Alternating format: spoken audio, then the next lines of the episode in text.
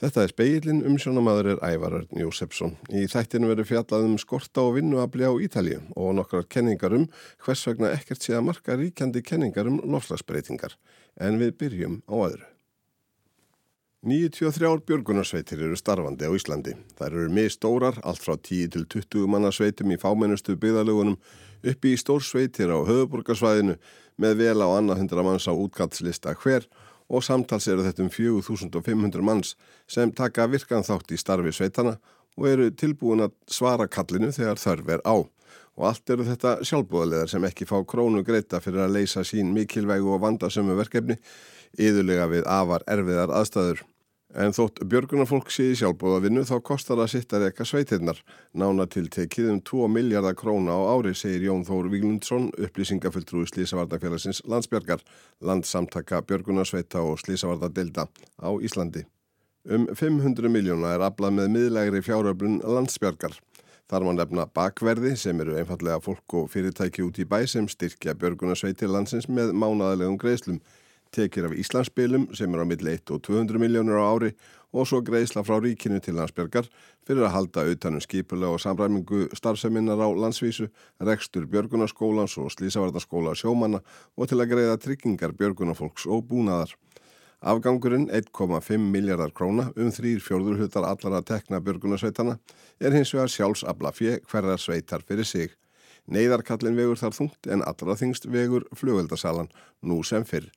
Hún skilar um 55% af heildartekjum allra björgunarsveita landsins, segir Jón Þór, og alltaf 80% hjá einstakka sveitum. Þegar á heildina litið þurfa björgunarsveitina sem sagt að treysta á almenning. Já, það er bara þannig.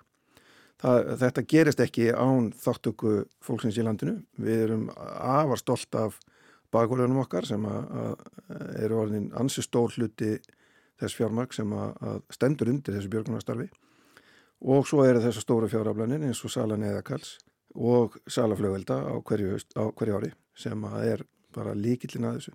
Sveitirna selja um 400 tonna flöguldum á hverju ári. Þar af vegur púrið um 40 tonn. Samkvæmt nýleiri skoðanakonun í Danmörku er meiri hluti dana fylgjandi því að banna reynlega sölu og notkun flugvelda. Hér á landi er anstaðan minni en þeim fer þó heldur fjölgandi sem telja þar skjóta skökku við að björgunarsveitilandsins afli sér fjár með því að selja þessi ósköp af jafn mengandi varningu og flugveldar eru á sama tíma og æg meiri áhersla er lögð á að draga úr loftmengun. Við erum mjög meðvituð um að, að þessi umræða er, er sterk og, og við sjáum fyrir okkur að, að þessi fjáröflun verður vantanlega ekki e, um ókomna tíð. Þannig að við erum stöðugt að leita nýra leiða til þess að fjármagna þennan rekstur. Þessi hluti fjáröflunarinnar er það stór hins vegar að það er erfitt að finna nýja leið sem að skilar jafn uh, góðum tekjum uh, með tiltölulega litlu framlægi hvers félaga þannig að það er ekki alveg á sjóndeldregnum en við erum stöðugt að, að, að skoða og, og, og reyna að finna nýja leiðir en þær eru ekki alveg sjáanlegur í ögnublikinu. Hafið þið aldrei reynd að komast inn á fjármjörnlega með stærri hluta af rekstakostnaðan? Ekki mér vitanlega, nú þekk ég ekki tæplega 100 ára sögu hvort að þetta hafi ekkert tíma komið til tals en um, sveitirnar hverjar og einar eru reknar uh, sem sjálfstæðir einingar og það er flestum held ég mikið í mun að halda því sjálfstæði. Að fara inn á fjárlög uh, er eitthvað sem að ég held að fólk sé almennt kannski pínu smygt við. Bæði gæti það kannski drepi niður sjálfbúðaliða hugsunina og uh, svo er náttúrulega niðurskurðar nýfurinn oft á lofti og, og fólk kannski smykti þá og vill bara geta staðið á eigin fótum. Það eina sem björgunarsveitir fá beinlýnis greitt fyrir eru verkefni að borðið að sinna lókunarpostum á vegum, eftirliti og vöktun á hálendinu og á hættu svæðum eins og Reykjaneskaga síðustu misseri og annað álíka.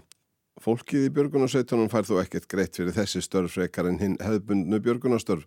Það þarf og getur yfirleitt treyst á skilning vinnuveitenda til að geta sendt þeim án launataps en gæslustörfin eru öllu tímafrekari og þá reynir meira á hvoru tvekja langlundar geð vinnuveitenda og björgunarfolks. Vissulega og margir eru að taka sér frí og launa þá bæði nota sem að frístaga eða aðra frítaga sem að þeir eiga inni eða jafnvel bara ólauna frí, skiptivinnu eða einhvers konar þannig fyrirkomulag þannig að, að aftur það reynir á þegar að, að krafist er langrar viðveru.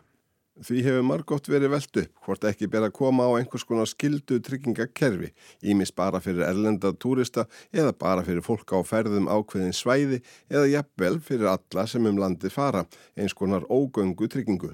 Mm, ég held að það sé kannski svolítið langsótt. Uh, það er þá alltaf skilgreiningin á hvenar ertu komin í ógöngur og, og af hverju. Uh, erum við þá farin að velja á milli þess hvort þú ert treyður eða ekki, hvort að þér verði bjargað. Ég vona að við förum aldrei þongað. Og þetta er ástæðan fyrir að þið viljið ekki taka gjald fyrir að bjarga fólki. Það hefur yfir að koma fram að þið viljið þetta alls ekki af óta við þá að fólk hiki við að ringi ykkur eða hvað? Já, það er ein af ástæðanum, já, og kannski svo vegamesta. Við rukkum ekki fyrir að bjarga lífi og höfum aldrei gert og munum aldrei gera.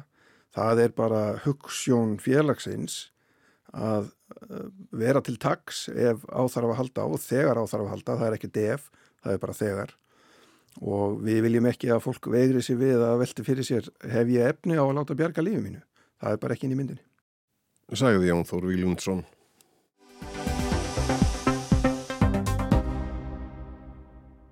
Stöðuð berast af því fréttir að stjórnvöld á Ítalíu reyni með öllum ráðum og sumum vafasömmum að stöðva ströym flótafólks til landsins. Sjórsia Meloni, forsættisráð þeirra hétt því fyrir þingkostningarnar í september í fyrra að beita sjóhernum til að koma í vekk fyrir að hælisleitendur frá Norður Afríku næðu til landsins. Svo fór að flokkur hennar bræðarala Ítalju náði góðri kostningu og við tók stjórn sem sagði þeir vera svo hægri sinnaðasta í landinu frá fasista tímanum á síðustu öld. Baráta í tölsku stjórnarinnar við að hindra komu hælisleitenda hefur haldið áfram frá því að Meloni og stjórn hennar tóku við völdum. Hún hefur hótað hertum lögum, reynda takmarka starf alþjóðleira hjálparsamtaka sem hafa komið fólkinu til bjargar þegar það lendir í nauðum á miðjararhafi og kynnt á formum að reysa móttökubúðir fyrir fólkið í Albaníu. Meðan á öllum þessum hamagangi stendur horfa atvinnureikundur á Ítalíu upp á samdrátt vegna skorts á starfsfólki. Frettastofa Sænska Ríkisjónvarpsins greindi frá því í haust að það vantaði meira en halva miljón manns í margar atvinnugreinar svo sem landbúnað og ferðarþjónustu.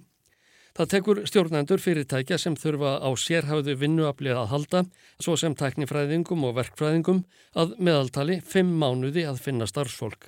Þetta kostar ítalska þjóðarbúið um það byrja 200 miljardar íslenskra króna á ári.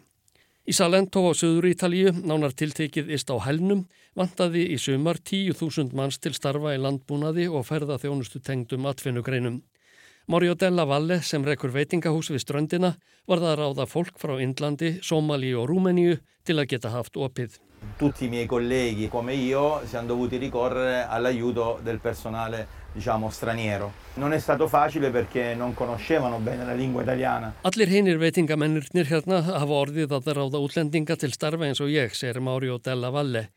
Þetta er ekki auðvelt því að þeir tala svo litla ítölsku og þá var bara eitt til ráða. Quindi siamo dovuti ricorrere un po' agli strumenti di Google Translator per poter comunicare. Vegna þessa höfum við notað Google Translate forritið til að hafa samskipti okkar að milli, segir hann, og er tiltölulega ánaður með árangurinn. E devo dire che mi sento molto soddisfatto, ma senza di loro non ce l'avremmo fatta. Ég verði að segja að ég er ánaður. Án þeirra hefðum við ekki getað klárað okkur. Stjórnvöld eru sér meðvituð um ástandið á vinnumarkaði.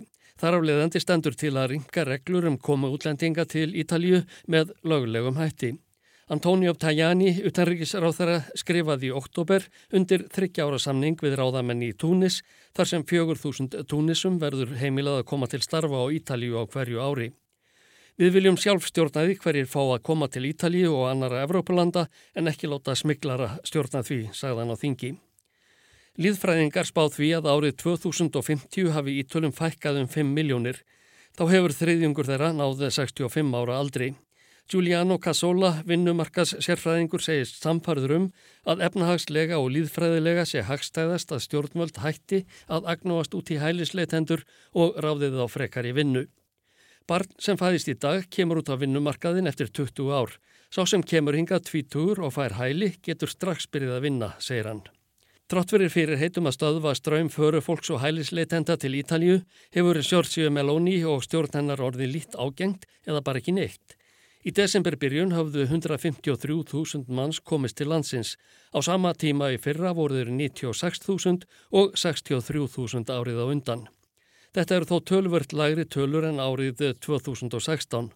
Þá voru ólöglegu hælisleitendurnir 181.400 samkvamt ofinberðum gögnum. Kvótinn fyrir vegabrefs áriðtannir útlendinga sem búsettir eru utan evrópska efnahagsvæðisins hefur verið hækkaður upp í 452.000 fyrir árin 2023 til 2025. Það eru hátt í 150% fleiri en næstu þrjú árin þar á undan. Alls fengu 136.000 áriðtunni í ár og hafa ekki verið fleiri síðan 2008. Þetta er samt ekki nóg. Samkvæmt mati, atvinnureikenda og stjættarfélaga er þarf á að heimila 833.000 útlendingum að koma til vinnu á Ítalju á tímabilinu 2023 til 2025. Ítalska vinnuvittendasambandið Confint Stúdrija hefur gert samkómulag við svetarfélugum að koma á kerfi sem gerir kleift að kanna hæfni fólks á móttökustöðvum fyrir hælisleitendur og ráða þá til starfa sem uppfylla öll skilirði. Í ár voru til dæmi sem 200 hælisleitendur raðunni til starfa í Brescia af 800 sem óskuð eftir vinnu. Tilstendur að ræða við þá um námsmöguleika til að auðvelda þeim störfin á Ítalju. Í Brescia er 4% atvinnuleysi um þessar mundir um það byl helmingi minna en að meðaltali í landinu öllu. Áskei Tómásson tók saman.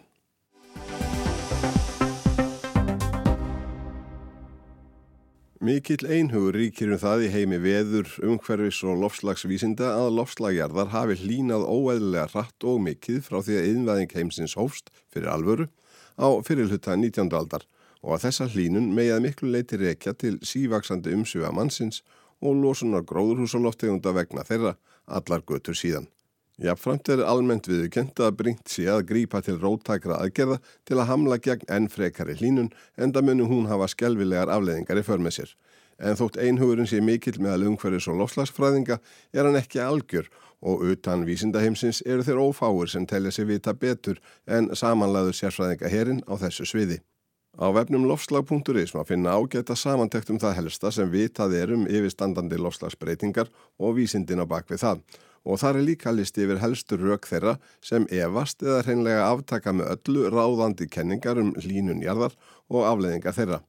Ég fekk Elínu Björk Jónastóttur viðfræðing og sérfræðing í lofslagsmálum hjá umhverfis og lofslagsraðuneytinu til að renna yfir síðanemda listan sem skiptist í þrjá meginflokka. Í þeim fyrsta eru kenningar og fullirðingar um að engar raunverulega lofslagsbreytingar séu í gangi. Þekktust er svo sem gengur út á að hokkíkilvan svo kallaða sé raung. Hokkikilvan er heiti á línuriti sem sínir hitabreitingar á jörðinni síðustu 1800 árin og sínir glögt að hlínunin síðustu tvær aldir á sér engin fordæmi á öldunum 16 þar á undan. Eva semdar fólk gaggrindi á sínu tíma hvortvekja aðferðafræðina og gögnin á bakfið línuritið Hokkikilvuna. Þessi gaggrini var að hluta til réttmætt og hún var tekin alvarlega. Meiri og betri gagna var aflað og línuritið uppfært í samræmi við það og niðurstaðan var svo sama nema heldur meira afgerandi. Það breytið þó engu fyrir þau sem evast en því haldið blákalt fram að hokkikilvan sé einfallega raung, punktur. Hokkikilvan eru auðvitað mjög fræg fyrir það hafa verið svona fyrsta hérna gagnið sem að fór virkilega á flug.